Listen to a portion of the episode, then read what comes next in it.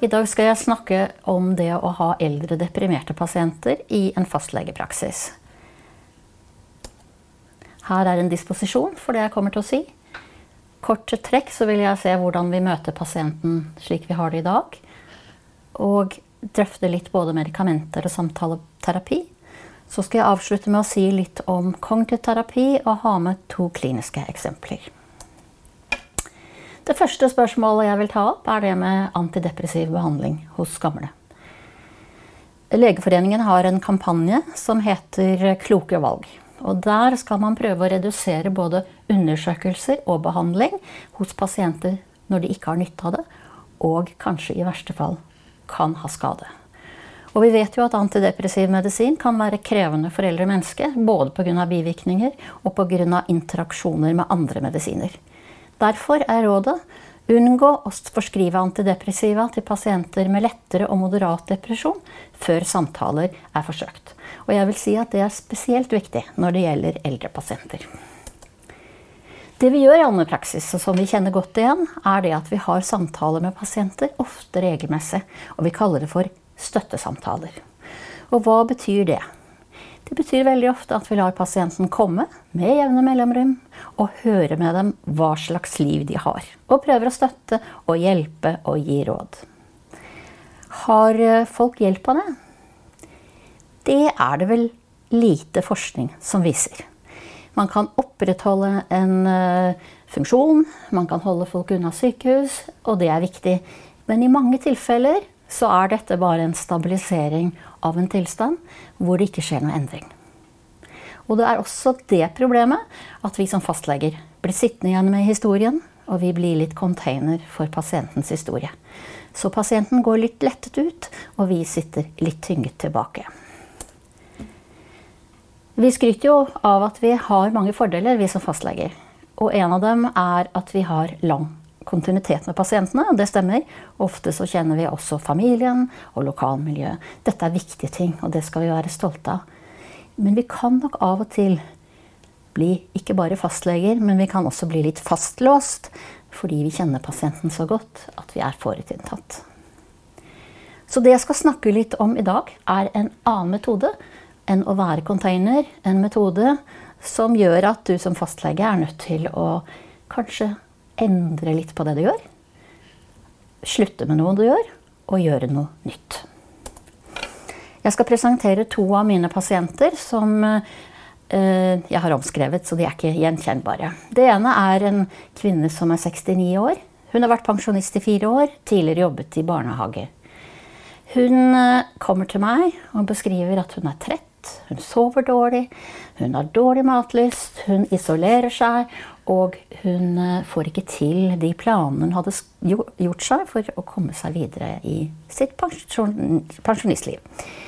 Så hun kommer med sine symptomer, og så spør hun doktor er det noe alvorlig galt med meg. Så har vi en kvinne på 75. Hun har hatt mye psykiske lidelser opp gjennom livet. Hun er aleneboende. Hun har en datter som hun har god kontakt med, men ellers er det sparsomt med nettverk. Det hun kommer og forteller om, det er ensomhet, kjedsomhet, passivitet. Og hun kommer med mange tanker om sin egen dårlige verdi og er veldig selvkritisk. Hun har utviklet en moderat depresjon. Hun er ikke suicidal, men hun har lite livslyst. Disse to damene skal jeg komme tilbake til. Når en pasient kommer inn på vårt kontor og kommer med sine symptomer, så har vi på en måte, særlig hos eldre mennesker, en oppgave. Er dette en somatisk lidelse? Slik som min første pasient sa, feiler jeg noe alvorlig? Eller er det psykiske plager, altså symptomer, som er vonde, men det er ikke det samme som at det er en psykisk lidelse. Og det må vi som fastleger sortere ut og diagnostisere. Og vi må prøve å huske at vi skal bevare normaliteten. Er man trist og lei seg fordi barna har flyttet ut, eller fordi en venn er død, så kanskje det hun presenterer, er en normalreaksjon, og det skal vi ikke sette en psykiatrisk diagnose på. I tillegg så har vi jo det problemet med at ja, det er vel alderen, doktor. Den skal vi ikke gå med på. Vi skal prøve å sortere ut og finne ut ja, noe blir endret med alderen, men det er ikke sånn at du umiddelbart får en alvorlig sykdom fordi om du har blitt over 65 år. Noe av det viktigste vi som fastlege kan gjøre etter å ha sortert og diagnostisert, er å gi folk informasjon om den lidelsen de har. Det fins masse god informasjon skriftlig som vi bør kjenne til, og som vi kan levere eh, tilbake til pasienten og si vil du lese litt om hva det vil si å være deprimert. Dette kan være en veldig god start på en samtalerunde som man skal ha. Det skal jeg komme tilbake til. Så vi har avklart, og vi har funnet ut at denne pasienten tilhører primærhelsetjenesten. Og vi har tenkt å ta ansvaret for denne deprimerte damen. Og vi har funnet ut at hun ikke er alvorlig syk, så vi trenger ikke henvise. Og de fleste eldre pasienter er faktisk ganske glad for å slippe å bli henvist til DPS-er hvis de ikke er alvorlig syke. De er veldig takknemlige for å kunne være i primærhelsetjenesten. Så skal jeg si litt om uh, kognitiv terapi. Um, kognitiv terapi handler jo både om atferd og om tanker kognitivt. Vi er ikke spesielt opptatt av å grave i bakgrunnen. Vi vil gjerne kjenne pasientens livshistorie og kunne referere til den, men vi er ikke ute etter å, grave og finne ut og forstå. Det kommer sjelden noe godt ut av det. Det vi vil, er å se på her og nå-situasjonen, og heller jobbe med problemløsning enn med uh, bearbeidingsløsninger.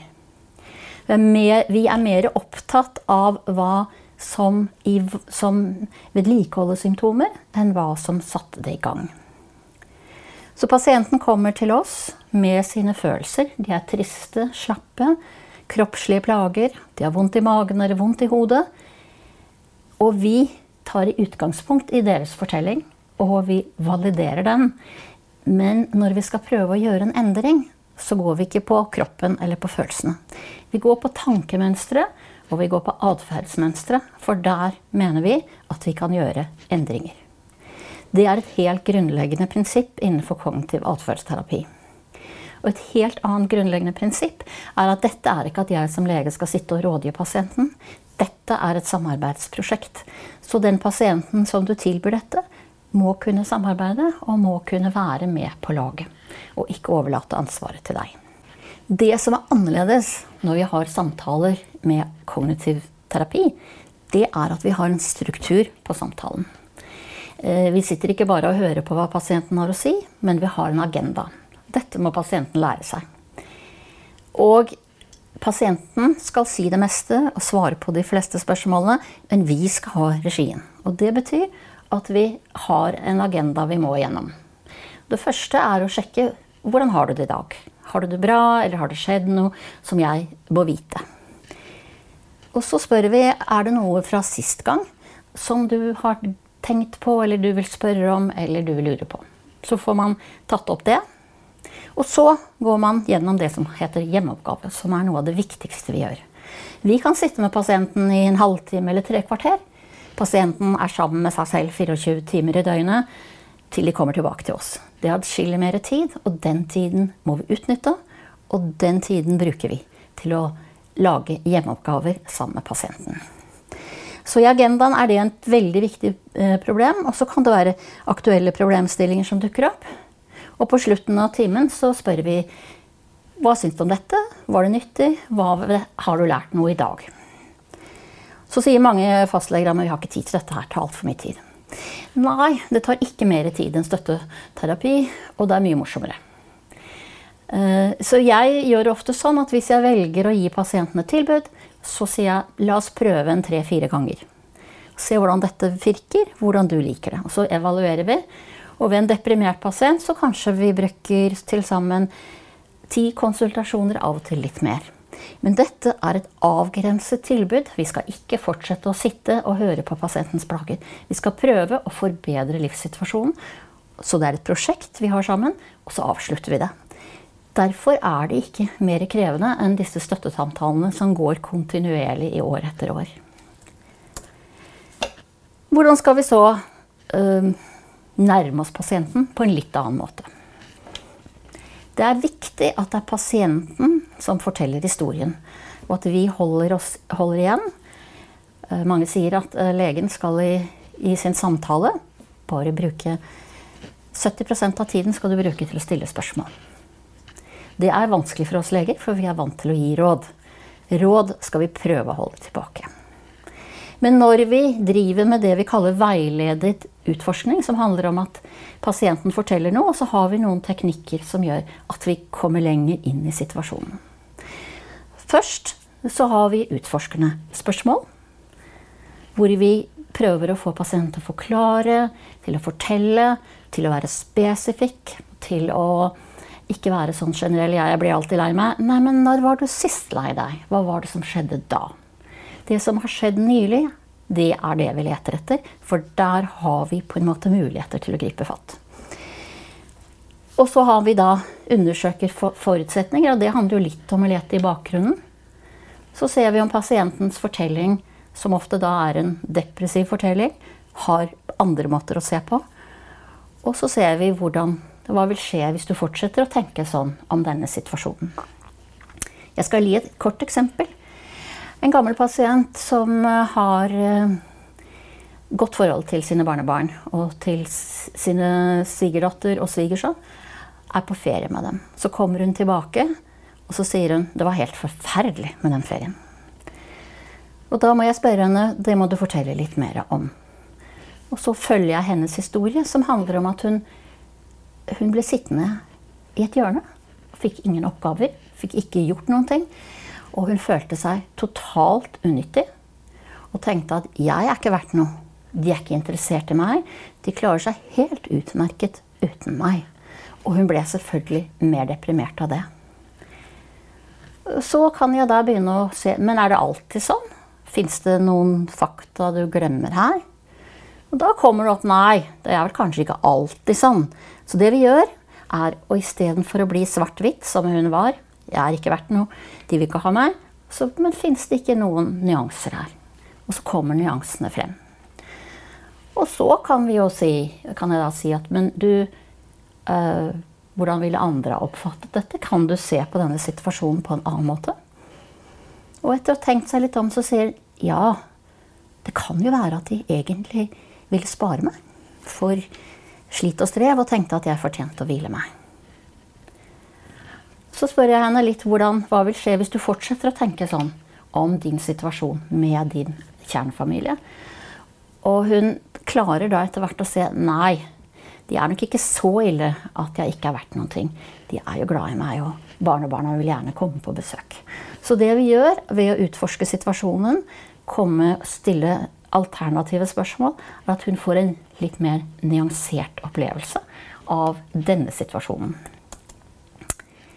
Så er det noen triks som selvfølgelig ikke er spesielt kognitive, men som absolutt kan brukes. Det er Vær nysgjerrig. Vær reelt nysgjerrig. Ikke sånn, ikke sånn at du, dette skal man gjøre fordi det er Men virkelig vær interessert i person, personen. Gi god kontakt. Nikk. Ikke driv og se på PC-en og skriv. Hvis du vil skrive litt, så ta fram papir og blyant og spør er det greit at jeg bare noterer, noterer noen stikkord. Så, eh, så, er det to andre triks som er lure å ha med seg, og det er å be om tillatelse. Er det greit for deg at jeg spør deg litt om dette? Det kan være hvis det er noe som er veldig emosjonelt. Be om tillatelse. Og hvis pasienten sier nei, det er litt vanskelig nå, så sier jeg men kan vi kanskje snakke om det neste gang. Så er det viktig å, når man har en lang samtale, at man av og til stopper opp. Og en stoppteknikk som er veldig effektiv, er å si du, kan jeg få lov til å oppsummere det du har sagt til nå? Da oppnår du å få en liten pause. Du oppnår å summe deg litt selv, og pasienten hører at du faktisk har skjønt hva hun har sagt. Ofte starter vi med det vi kaller problemliste. Dette gjelder jo for så vidt uavhengig av alder. Pasienter kommer jo ofte og ønsker ja, men jeg blir kvitt søvnproblemene mine. jeg vil ikke være så trist lenger. Mens det vi gjør i allmennpraksis, er jo i veldig stor grad å være problemløsere. Vi er ikke så opptatt av symptomet, men vi er opptatt av hva det fører til. Eh, ja, så du sover dårlig. Hvilket problem medfører det for deg? Og da kan det vise seg at problemet er at hun blir så trøtt at hun legger seg klokka seks om ettermiddagen og aldri mer ser sine venninner. Da er problemet at hun, at hun isolerer seg. Og det er det vi må jobbe videre med. Og så er det jo kanskje noen som ikke får mosjonert som de vil.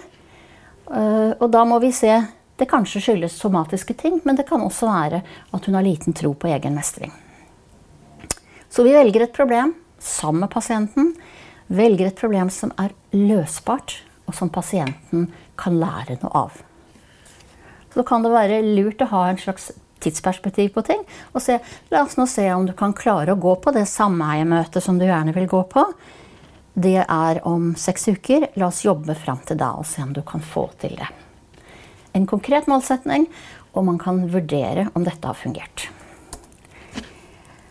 Ehm, da vil jeg ta fram min første pasient. Hun som nå var hjemme og, ikke, og følte at hun var helt slapp og isolert og ikke fikk til noen ting. Ehm, når det kom fram til litt drøfting om problemet, så viste det seg at mannen var nå blitt pensjonert. Og det hadde utløst den saken at hun fikk ikke gjort noe, fordi at leiligheten var trang. Hun hadde ikke noe annet sted enn kjøkkenbord å sitte og skrive på. Og han likte så godt å være sammen med henne, så han satt gjerne sammen med henne. Og hun ble frustrert, irritert, og det kom til krangler. Samtidig så hadde de et grunnleggende godt forhold, så hun var redd for å provosere ham. Og det endte med at hun ble sittende og ikke fikk gjort noen ting, og ble mer deprimert av det. Så tenkte vi sammen men fins det noen annen måte å gjøre dette på? Og kom fram til at hun kunne jo prøve å sette seg på en kafé og skrive, eller eventuelt oppsøke biblioteket. Og hun kom selv og foreslo at ja, men kanskje jeg skal ta også Det er litt plass på soverommet. Kanskje jeg skal lage en skrivepult til meg selv der, så jeg kan sitte i fred. Så kom jeg til det med hjemmeoppgavene det er ikke nok å si 'ja, men så flott', da. Da går du på biblioteket neste uke. Nei, det veldig konkret. Når skal du gå på biblioteket? Ja, vi har tirsdag passer. Mm, tirsdag, og når på tirsdag? Hvor lenge skal du være der? Da får du et helt konkret eksperiment. En oppgave som pasienten skal gjennomføre for å se om det går. Og så kan hun komme tilbake til deg og fortelle deg hvordan samtalen, eller hvordan det gikk. Denne pasienten gjorde det, men hun ville allikevel gå videre og begynte å lage et uh, lite skrivebord hjemme hos seg selv. Og der fikk hun til og med involvert uh, ektefelle. Så viktig. Lag noen små prosjekter, gjennomfør dem, vær konkret. Så har vi Dette var en atferdsendring vi gjorde her.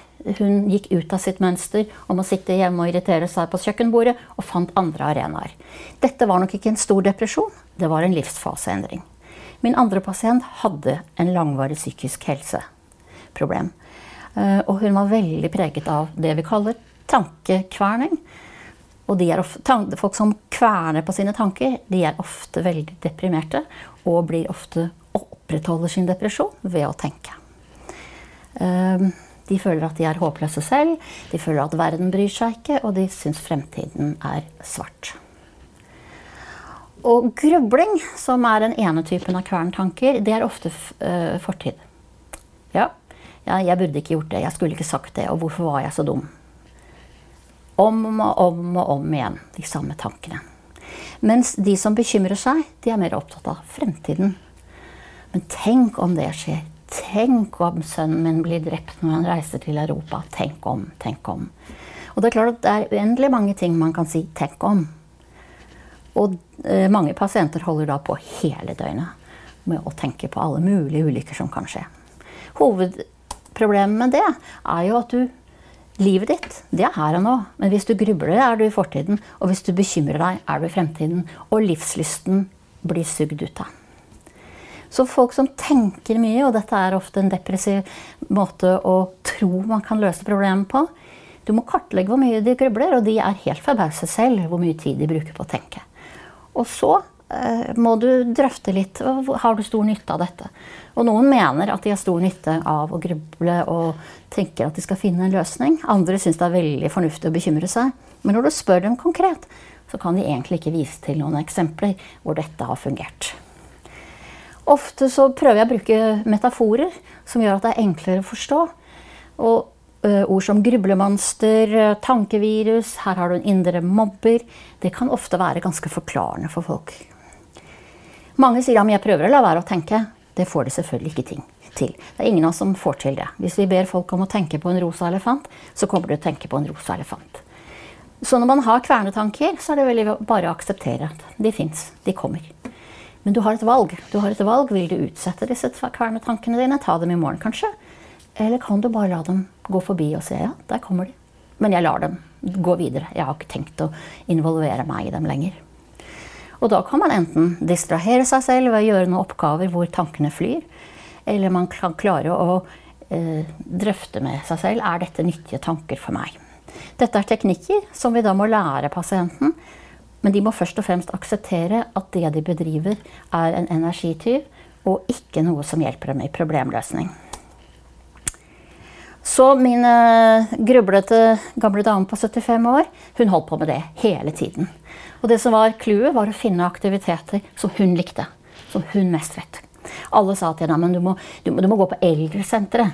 Eller du må melde deg inn i en organisasjon. Men det var ikke hennes mestring og glede. Det er veldig viktig å ta utgangspunkt i hva din pasient har erfaring med, har syntes har vært bra før. Ikke lag sånne standardløsninger. Eldre er mer forskjellig enn man tror. Så det er viktig også å ha en indre samtale videre og da kan man ha tre indre støttespillere når man driver og nedvurderer seg selv. Det ene er den vennlige støttespilleren. Det er hun som er din gode venninne. Som kan sitte og si pene ting til deg. Og for å få fram den, så pleier jeg ofte å si at Men du, nå snakker du veldig stygt til deg selv. Hvis venninnen din kom og spurte deg om dette, hva vil du si til henne? Og da ser de. Det er stor forskjell på hvordan du snakker til deg selv, og på hvordan hun snakker til sin venninne. Og hun kan reflektere litt over den forskjellen. Og så er det den fornuftige støttespilleren som på en måte prøver å ta med alle fakta. Kanskje det er noe å glemme her, kanskje jeg er litt sånn svart-hvitt-tenkende. Og så er det den pragmatiske støttespilleren, den vi var inne på i sted. Er dette noe nyttig for meg å drive med denne, uh, denne grublingen? Så her har jeg prøvd å illustrere en atferdsendring og en tankemønsterendring. Og for å øh, gjøre det litt kort på slutten, så lag en struktur på timen. Tilby pasienten noen fastlagte timer, kanskje f.eks.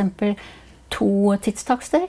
Gjør det litt hyppig i starten, litt sjeldnere etter hvert. Men si at dette gjør vi som et prosjekt sammen. Det er ikke noe vi skal holde på i lang tid, men dette skal vi gjøre for å se om du kan få et litt bedre liv.